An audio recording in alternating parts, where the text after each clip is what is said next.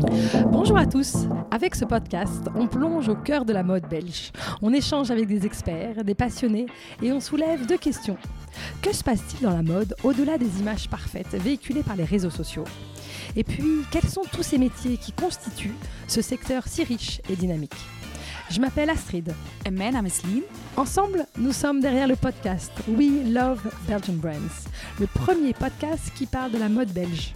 Alors voilà, tous les jeudis sortiront un épisode et une semaine sur deux en français et en néerlandais. Au creux de vos oreilles, on parle vrai, on raconte ce qu'est la réalité. Le but de chaque discussion, apprendre, échanger, inspirer. Belle écoute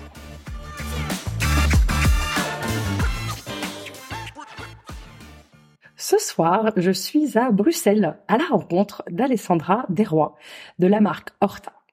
Elle y travaille en tant que responsable image et assistante DA, direction artistique, aux côtés de la pétillante fondatrice Marion Schotteten. Horta, c'est une DNVB, Digital Native Vertical Brand, de prêt-à-porter féminin, et une vraie success story depuis ses débuts. L'un de ses secrets, à mon avis, c'est une cohérence dans l'image. Chaque mois, pour chaque collection et sur chaque canot. Alors, comment font-elles? Quels sont les détails qui n'en sont pas? Les lignes directrices suivies. Pour répondre à ces questions, je suis ravie d'avoir Alessandra à mon micro. Alessandra, bonjour. Bonjour Astrid. Bon, c'est super chouette euh, d'être là dans ce dans ces si beaux bureaux, vraiment canon. Est-ce que tu peux te présenter? Euh, oui, du coup, euh, moi c'est Alessandra, j'ai 28 ans. Euh, ça fait deux ans que je suis chez Horta et euh, je suis responsable image. Et alors, une de mes questions que j'aime bien poser, c'était est-ce que tu te souviens ce que tu voulais faire quand tu étais enfant? Alors, quand j'étais enfant, j'ai toujours, toujours, toujours voulu travailler dans la mode. Ah ouais. J'aimais trop. Ma maman est fan de mode aussi. On adore les couleurs, les imprimer, oser et exprimer un peu notre personnalité avec euh, nos vêtements. Et donc du coup, euh, ben ouais, j'ai toujours voulu travailler dans la mode, même si je savais pas exactement ce que je voulais faire. Ouais, hein, on sait pas toujours, Non. mais le secteur nous attire, quoi. Exactement. Et du coup, ça a été quoi ton parcours? Très vite, à étudier quelque chose qui t'a amené vers cette direction-là? Ben en vrai, pas du tout, enfin pas vraiment. J'ai essayé de choisir des études euh, qui ouvraient pas mal les portes, et donc du coup, euh, j'ai fait des études en communication. Ok. J'ai étudié à l'IEX à Bruxelles Ouais. et euh, j'ai fait un master en communication commerciale et publicité. Super. Et qu'est-ce qui t'a amené euh, chez Horta? C'est ta première euh, profession ou ton premier travail Euh, Raconte un peu? Non, pas du tout. Donc euh, déjà euh, depuis euh, assez jeune, ben comme je te dis, je suis passionnée de mode. Ouais. Donc euh, même en tant qu'étudiante, j'ai travaillé pendant des années dans la boutique de Chanel en, en parallèle Ah. euh, de mes études. Donc euh, ça m'a fait goûter à l'univers du luxe, à l'univers de marque, au storytelling qu'il y a derrière. Ouais. Il y a tout a une histoire, un bouton, une image, un- une matière. ouais. Et ça, ça m'a vraiment passionnée. Ouais. J'ai d'ailleurs fait mon travail de fin de secondaire euh, là-dessus, euh, sur sur quoi euh, exactement? Sur euh, l'émancipation des femmes euh, dans la mode grâce à euh, Chanel. Ah, Donc, euh, impressionnant. Comment Chanel a, a, a aidé euh, l'émancipation des femmes. Ah, super. Ouais. Hyper donc, intéressant. ouais, super intéressant. Donc ça m'a encore plus plu. Et, euh, et voilà, j'ai, j'ai, donc j'ai eu ces expériences-là. Après, j'ai bossé, euh, j'ai bossé quand j'étais à l'IEX, j'ai dû faire un premier stage. J'ai fait donc euh, un stage euh, chez Tandem Press Communication. Mhm.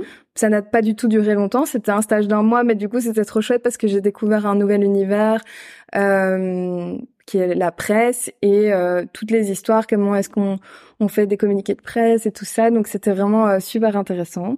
Génial. Et euh, et puis après ça, j'ai fait mon master euh, du coup à l'IEX et là, j'ai fait un stage plus long où j'ai bossé chez Delvaux. Ah, waouh. Euh, avec la brand project manager Hélène Minato euh, et c'était un stage mais tellement intéressant euh, où on s'occupait de tous les communication tools. En fait, c'est un peu ce que je fais chez Horta actuellement. Ok. Et du coup, t'es passé ensuite de Delvaux à Horta? Non, je...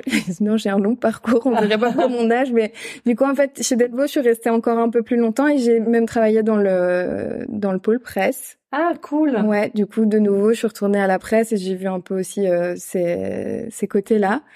Et euh, après ça, je voulais voyager, donc je suis partie euh, pendant presque six mois en solo euh, avec mon backpack Génial. en Asie. j'ai fait un tour là-bas, j'ai fait une formation pour devenir prof de yoga. Ah bah super. ouais. Et puis je suis revenue et là ça a été un peu plus galère pour trouver quelque chose dans la mode parce que c'est quand même un domaine où c'est pas toujours facile de trouver ce qui nous convient et même les places sont quand même assez limitées. Ouais. Donc euh, j'ai eu un peu une interruption au niveau mode. J'ai travaillé dans d'autres domaines, euh, notamment à la Folie Douce de Val d'Isère. Donc euh, ah drôle.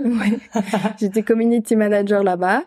Et puis après, j'ai fini par j'ai fini par arriver chez chez, Horta. Et alors, est-ce que tu peux nous raconter un peu c'est quoi Horta? Qu'est-ce que c'est que cette marque?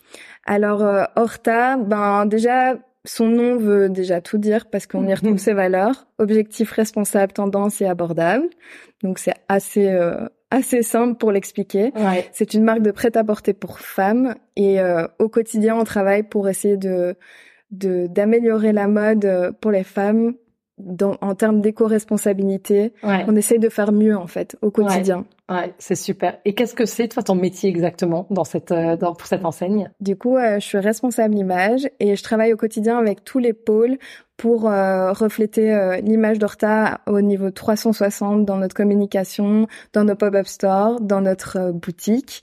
voilà. Et c'est ça les pôles dont tu parles? Ouais, c'est ça les pôles. Donc tu coordonnes le pôle retail, donc qui va être en charge des magasins, la communication. Alors je coordonne pas, mais on va dire que vu que chaque mois on sort une nouvelle collection chez Horta euh, et qu'on crée une identité chaque mois, du coup pour cette collection, pour la mettre en avant, eh bien mon, mon travail c'est de voir comment est-ce que ça peut se retranscrire sur tous nos canaux.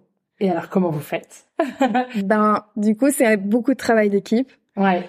Euh, on travaille tout en main dans la main. C'est beaucoup de réunions, de brainstorm tous ensemble pour essayer de, de que tout le monde soit sur le même euh, la même longueur d'onde, que tout le monde comprenne vers quoi on veut tendre et que ça puisse se retranscrire euh, au quotidien chez Horta.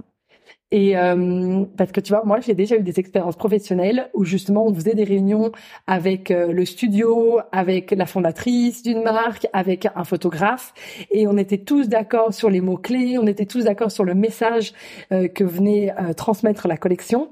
Mais au final, le résultat vidéo, photo, look aussi, n'était pas du tout ce qu'on voulait quoi. Et en fait, aucune de nous n'était satisfaite d'ailleurs. Donc c'était hyper euh, frustrant. Et donc euh, et voilà, et ça avait coûté de l'argent, beaucoup de temps. Donc comment vous faites vous? Parce que justement, moi je vous observe depuis longtemps et justement c'est très clair. Il y a vraiment un fil rouge euh, très ouais très clair chez Horta alors même que vous avez des collections tous les mois. Donc tous les mois quelque part, euh, vous pourriez perdre le fil. Maintenant, je pense aussi que d'en faire tous les mois, ça aussi aide à ancrer un message et à vraiment asseoir une identité. C'est quoi exactement l'identité d'Horta et comment vous faites? Euh, du coup, euh, je reviens au début de, de ce que tu disais, et je pense que ce qui est important, c'est justement la communication entre nous. Mais alors, la communication, elle a différents aspects. C'est aussi de la communication visuelle, parce que mmh. parfois un mot n'a pas la même signification pour quelqu'un pour quelqu'un d'autre. Donc du coup, on a un peu tous nos réalités. Donc il faut, enfin moi en tout cas, ce que je conseillerais, c'est plutôt de, de, de parler de manière visuelle. Donc euh, créer des mood boards, euh, montrer le plus d'images possible. En fait, on arrive à chaque fois hyper préparé en shooting. Et c'est ce que vous faites en réunion en fait. Vous vous exprimez vos idées visuellement avec des mood boards? Ouais. Donc du coup, c'est moi qui travaille en amont là-dessus sur euh, le mood général. Après, on regarde avec Marion ce qu'elle en pense, si ça la si ça la satisfait satisfait, si elle a, si elle aime beaucoup ou pas, si qu'est-ce qu'on peut revoir. Et ensuite après, j'ai vraiment un travail. là, excuse-moi, t'interromps, mais qu'est-ce que là elle pourrait aimer ou pas aimer? Ce serait quoi ben, des, des visuels, des looks? Ouais, peut-être plutôt pas aimer, plutôt le mood général. Donc c'est hmm. dire, euh, ok, euh, pour cette collection-ci, je pense que ça serait bien dans un lieu chaud, avec des couleurs chaudes, euh, une lumière plus jaune, ce genre de choses. En fait, on va prendre ces choix-là. Moi, je vais lui pitcher les idées par rapport à la collection et ce qui me semble le plus adéquat pour la collection en tant que telle. Tu peux donner des exemples de précédents shootings qui ont eu lieu où il y avait une ligne directrice très claire? Euh, par exemple, euh, qu'est-ce que je pourrais dire? Par exemple, on a sorti une collection l'année passée qui était une collection euh, avec beaucoup de tons bleus, de jolis imprimés qui font vraiment penser à la mer. Il y avait même un pull avec marqué bord de mer dessus. Et du coup, on a shooté dans du côté de Cassis. Et et du coup là, c'était retranscrit vraiment ce mood marin, marin bord de mer, farniente, mais plutôt côté français et genre euh, bah la mer, tout ce que ça nous fait penser en fait, euh, la plage, les vacances. Euh, ouais, c'est chouette. Ouais. Du coup, c'est c'est bah c'est super passionnant à faire tous les mois parce qu'il y a toujours des choses différentes à faire, il faut se renouveler, il y a plein de nouvelles choses à acquérir aussi donc Et alors comment faire justement entre se renouveler et pas parler de la mer par exemple tout l'été Ouais, c'est ça. Et en même temps ne pas sauter du coq à l'âne en fait? Comment comment garder ce, ce fil conducteur? Ben du coup, je pense que là c'est aussi un travail euh, super précis du stylisme qui arrive à créer ces pièces aussi en fonction du timing dans l'année.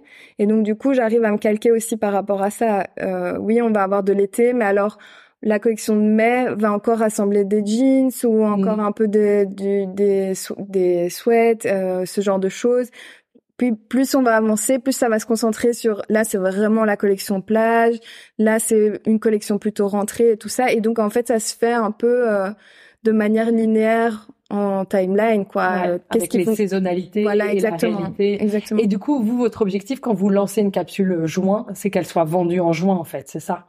Euh, ouais, c'est ça. Euh, après, on, c'est sur le long terme, mais vu qu'on produit de manière responsable et qu'on ne mm. produit pas en surquantité parce que c'est pas le but de rester avec du stock euh, euh, parce que c'est pas bon. Bah Et donc euh, du coup le but est que ça s'écoule en majorité sur le mois même, mais après pendant les mois d'été aussi euh, forcément que ça continue de s'écouler. Ouais. C'est super super intéressant et et du coup, comment tu trouves des nouvelles idées? Donc, à partir du produit, ça, je comprends aussi que tu travailles donc à partir du studio et des pièces qui sont réalisées. Mais du coup, comment toi, tu trouves de, des nouvelles idées euh, d'inspiration? Bah, je sais pas si on peut le formuler comme ça, mais je consomme beaucoup d'images, donc euh, ça veut dire euh, par euh, les magazines, les sites internet, Pinterest, Amor, Instagram, les réseaux sociaux de manière générale. Et ouais et les autres marques aussi, euh, que ce soit dans le luxe ou dans Bien sûr. ou de notre euh, plutôt premium ou autre, euh, on s'inspire un peu de partout en fait. Super. Et, et c'est quoi l'ADN d'Horta? Donc, en plus des mots et des et, de, et des mots clés et de les, la valeur de responsabilité dont tu as dont tu as parlé, c'est quoi pour toi la, la femme Horta? Alors la femme Horta, c'est une femme euh, qui est féminine et qui a euh, qui fait attention à ce qu'elle consomme euh, au quotidien. Ouais. Et du coup, c'est vraiment à cette cliente-là, au final, que vous que vous parlez, quoi. Ouais, c'est ça. On essaye d'avoir une approche dans notre communication, un tone of voice qui est plutôt euh, enjoué parce qu'en fait on veut pas du tout se positionner comme moralisateur euh, parce qu'on on fait attention à nos productions et tout ça c'est pas du tout le but. Le but est juste d'essayer de qu'on en discute tous ensemble. On est super proche de notre communauté sur les réseaux sociaux. Vous les tutoyez? On les tutoie pas, on les voit parce que quand même, mais euh, mais on est super super proche d'eux quoi, parce que même euh, ils, ils nous voient tout le temps sur les stories et tout ça, on communique avec eux euh, tout le temps. Et du coup encore par exemple, on a le pop-up à Knock là actuellement. J'y étais pour un event avec pour notre collab avec avec Florence Gaines qui est une artiste belge. Et du coup, pour euh, cette, euh, cet event, il y avait des, forcément nos meilleures clientes qui étaient là et, euh, et elles nous appellent par nos prénoms, quoi. Donc, ouais, ouais. Elles donc, nous connaissent. ouais, elles nous connaissent vraiment. Ça, c'est vraiment le pouvoir aussi des réseaux sociaux, je trouve.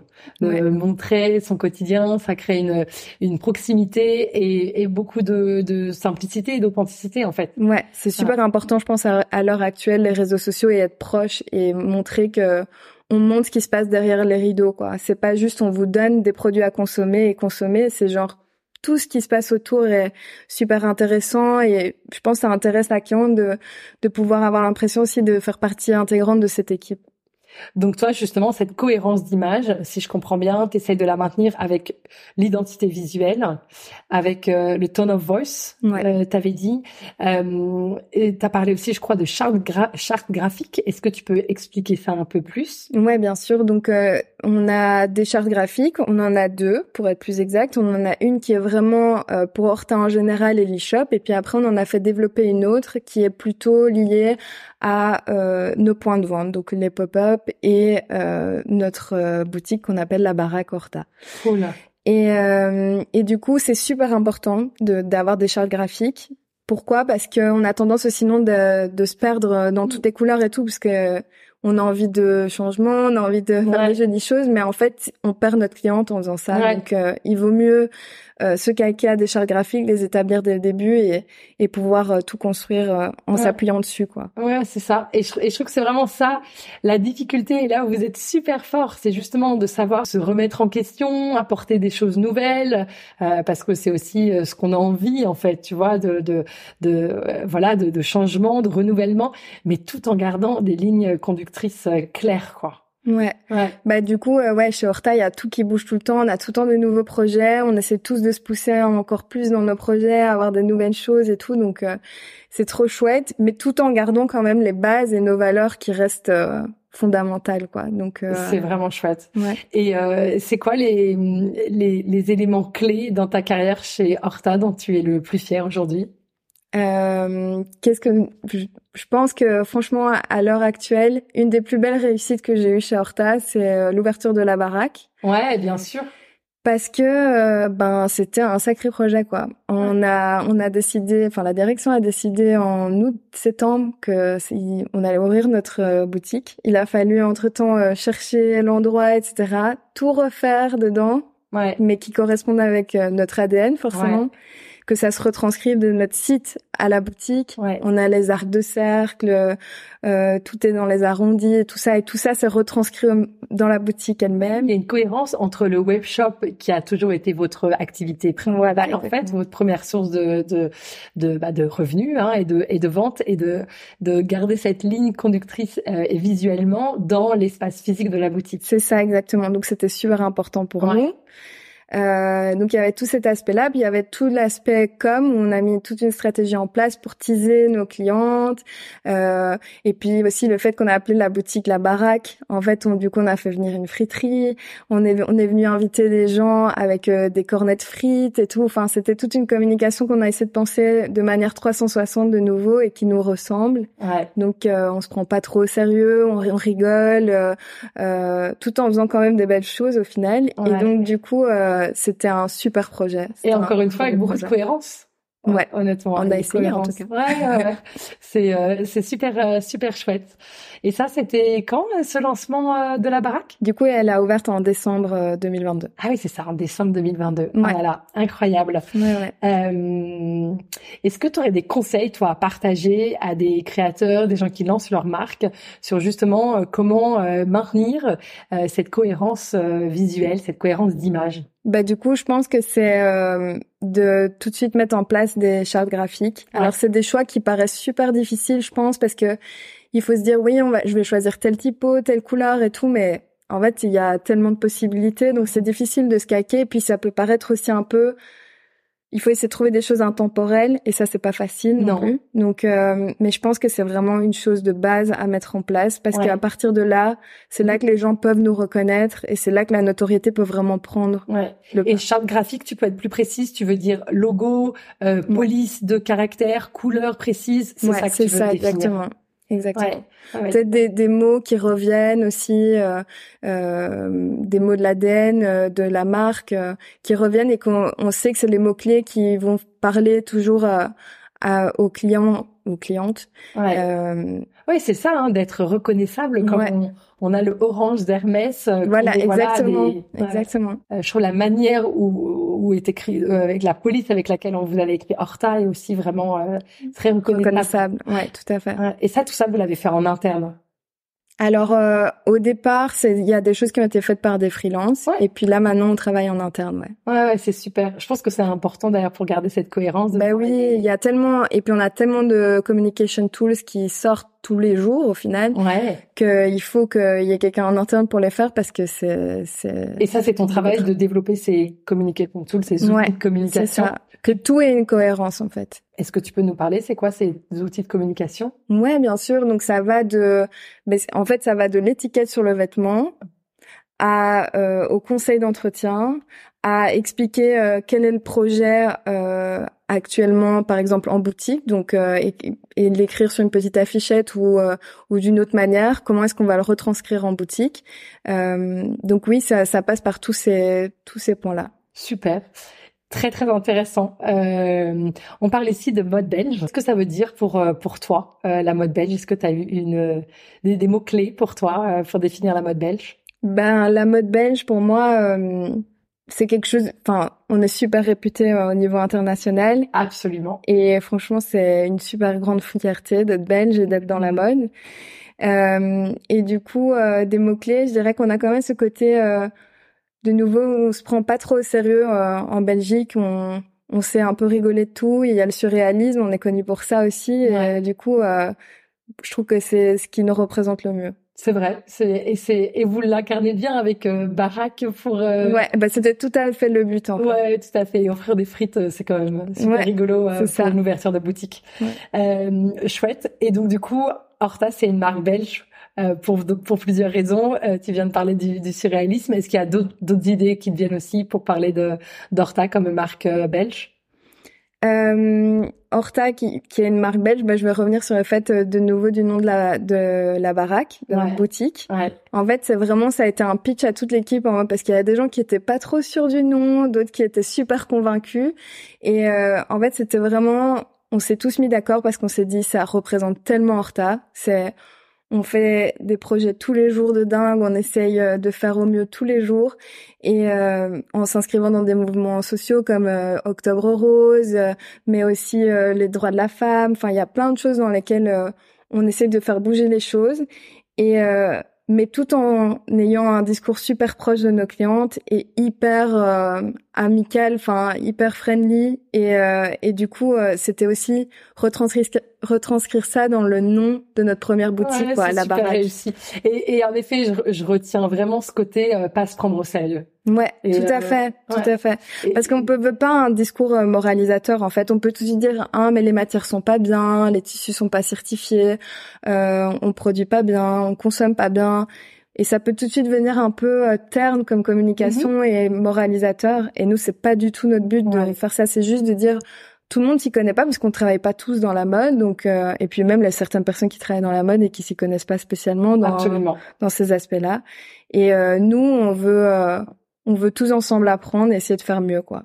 C'est super super inspirant. Est-ce que tu peux nous dire justement c'est quoi les, les, petites choses que vous faites mieux? C'est quoi ce que vos engagements en termes d'écologie responsable? Ouais, du coup, on a des ateliers avec qui on travaille depuis euh, nos débuts. Donc, euh, Horta va fêter ses six ans. Waouh. Ouais. Et, euh, et du coup, on travaille avec euh, les mêmes ateliers. Donc, c'est des ateliers à taille humaine qui se trouvent en France et au Portugal majoritairement. Parfois, on fait appel à des ateliers en Italie ou en Espagne parce que le savoir-faire le demande. Mais majoritairement, c'est en France et au Portugal. On utilise en majorité des tissus qui sont certifiés. Euh, on fait attention, mais aussi dans notre logistique, la manière dont c'est emballé. On fait hyper attention à l'emballage. On va jamais mettre trop d'emballage. Euh, donc en fait, ça se retranscrit vraiment dans toutes nos décisions au quotidien. Il y a rien qui est négligé par rapport euh, à, à l'éco-responsabilité et le fait qu'on veut marquer. Euh, Super euh, intéressant. Et pour travailler aussi dans le secteur, je trouve que le, le point principal qui est compliqué à gérer, c'est le, le stock Comment vous vous faites? Vous vous essayez de de limiter? Comment comment vous gérez ça? Ouais, tout à fait. Donc on essaye de on essaye de limiter euh, nos nos quantités pour euh, en fait juste répondre à la demande. On essaye de de ne pas rester avec de stock au maximum. Vous faites des précommandes? On fait des précommandes quand ça s'y prête, quand on est un peu moins sûr d'un produit ou que la production prend un peu plus de temps ou autre, ou alors même qu'on voilà, on veut demander aux clientes quel est leur avis sur la pièce. En fait, on lance des précommandes. Donc euh, la possibilité de, de s'inscrire pour euh, avoir. Euh, Donc vous shootez des pièces, vous présentez déjà les pièces réalisées et vous demandez qui serait potentiellement intéressé. et du coup, vous essayez de récolter là des avis ou carrément des commandes fermes? Il y a les deux, il y a les deux, mais plutôt des commandes fermes en général. Mais après, il y a les deux. On essaye de savoir qu'est-ce que la cliente en pense. Et... Ouais, c'est une manière super chouette aussi de, de co-créer avec sa communauté Tout à fait. et de créer du, du lien, évidemment. Ouais. D'ailleurs, on essaie de demander à nos clientes, euh, régulièrement qu'est-ce qu'elles aimeraient dans leur garde-robe. Quoi. Alors on fait plein de propositions et on fait des votes sur nos réseaux pour voir un peu qu'est-ce qu'elles aimeraient dans leur garde-robe parce qu'au final c'est à elles que ça, il faut que ça plaise. Donc J'aime beaucoup euh, cette approche que, que vous avez chez Horta et je l'ai vraiment ressenti aussi en rencontrant Marion, que je vais aussi avoir le plaisir d'avoir à mon micro.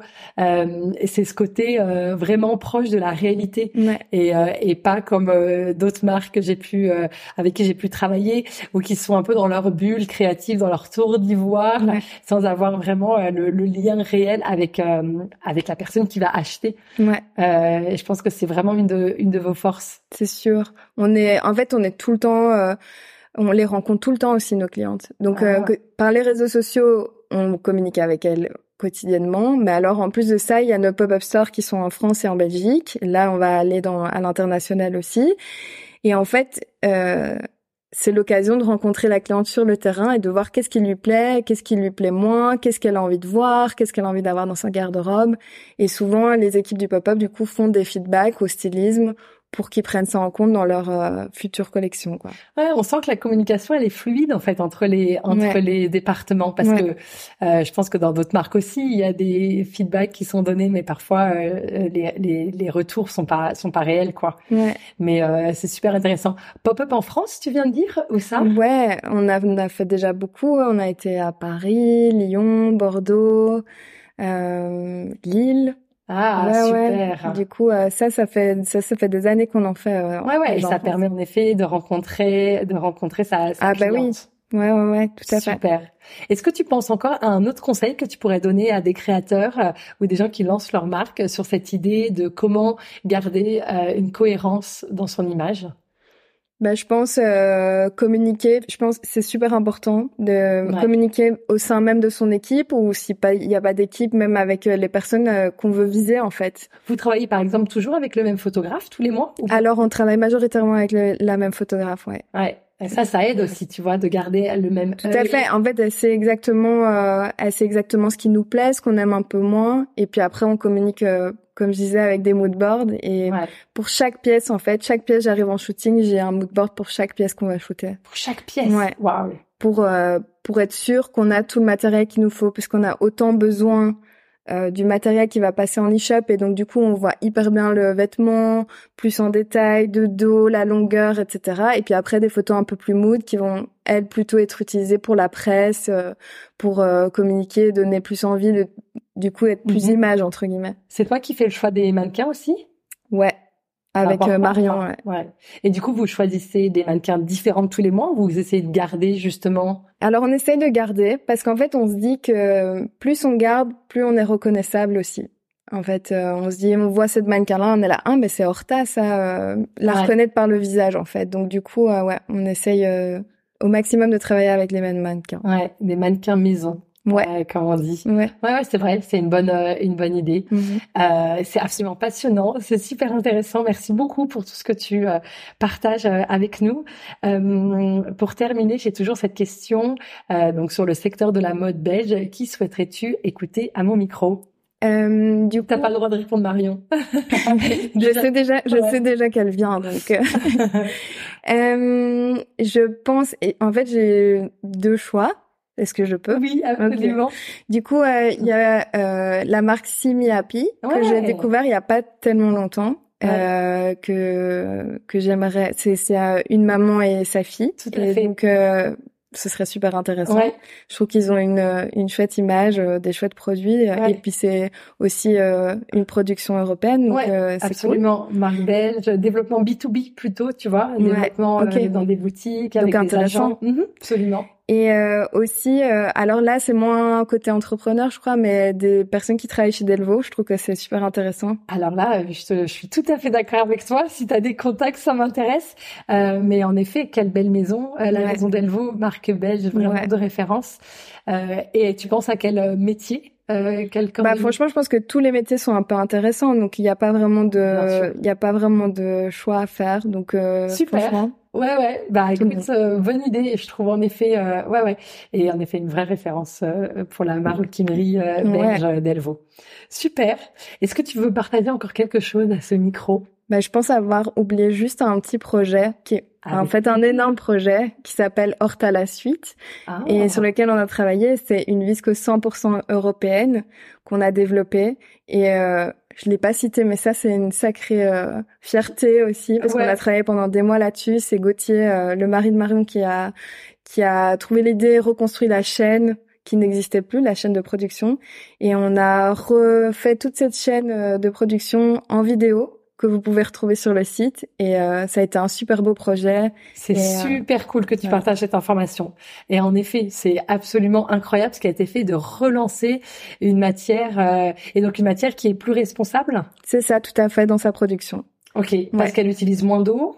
Voilà, en fait, euh, c'est euh, ça utilise. euh, en fait, on, on a repris les, les pays européens qui avaient déjà le savoir-faire mais séparés Hmm. et qui ne le mettaient plus ensemble. La viscose a mauvaise réputation parce que euh, sa production, en fait, on part du bois, de la fibre de bois pour arriver à la viscose. Et en fait, la transformation peut être assez polluante quand on le fait dans d'autres pays. Mais chez nous, en Europe, on a des rigueurs environnementales qui sont telles que c'est impossible de pouvoir émettre autant de pollution avec cette production. Et donc, du coup, on a refait la chaîne en Europe pour euh, qu'elle soit au plus responsable possible. Pourquoi elle avait disparu? Et du coup, alors là, c'est la, Ouais. ouais, la mondialisation, Ouais, euh, sûr. le capitalisme. Ouais. Je pense que c'est ça qui a fait. On a beaucoup de main de, savoir-faire. C'est pas vraiment du savoir-faire du coup, mais qui est parti euh, en Chine. Ouais. Et on a perdu la main ici en Europe. Et, et du coup, euh, là, ça a été vraiment un travail de Gauthier de tout remettre ensemble pour qu'on ait de la fibre du bois jusqu'à la viscose dernier euh, en main, quoi, sur vos, Ouais, sur produit vos fini, quoi. Qui, euh, qui est européen. euh. Bah merci d'avoir repris le micro pour euh, pour euh, préciser cette euh, cette super histoire et en effet une sacrée milestone euh, comme on dit euh, élément clé de l'histoire de la vie d'Horta Ouais. et euh, et t'as bien fait de, de le raconter un grand merci à Merci toi beaucoup, Astrid. bonne euh, bonne fin de journée à toi Alessandra À toi aussi.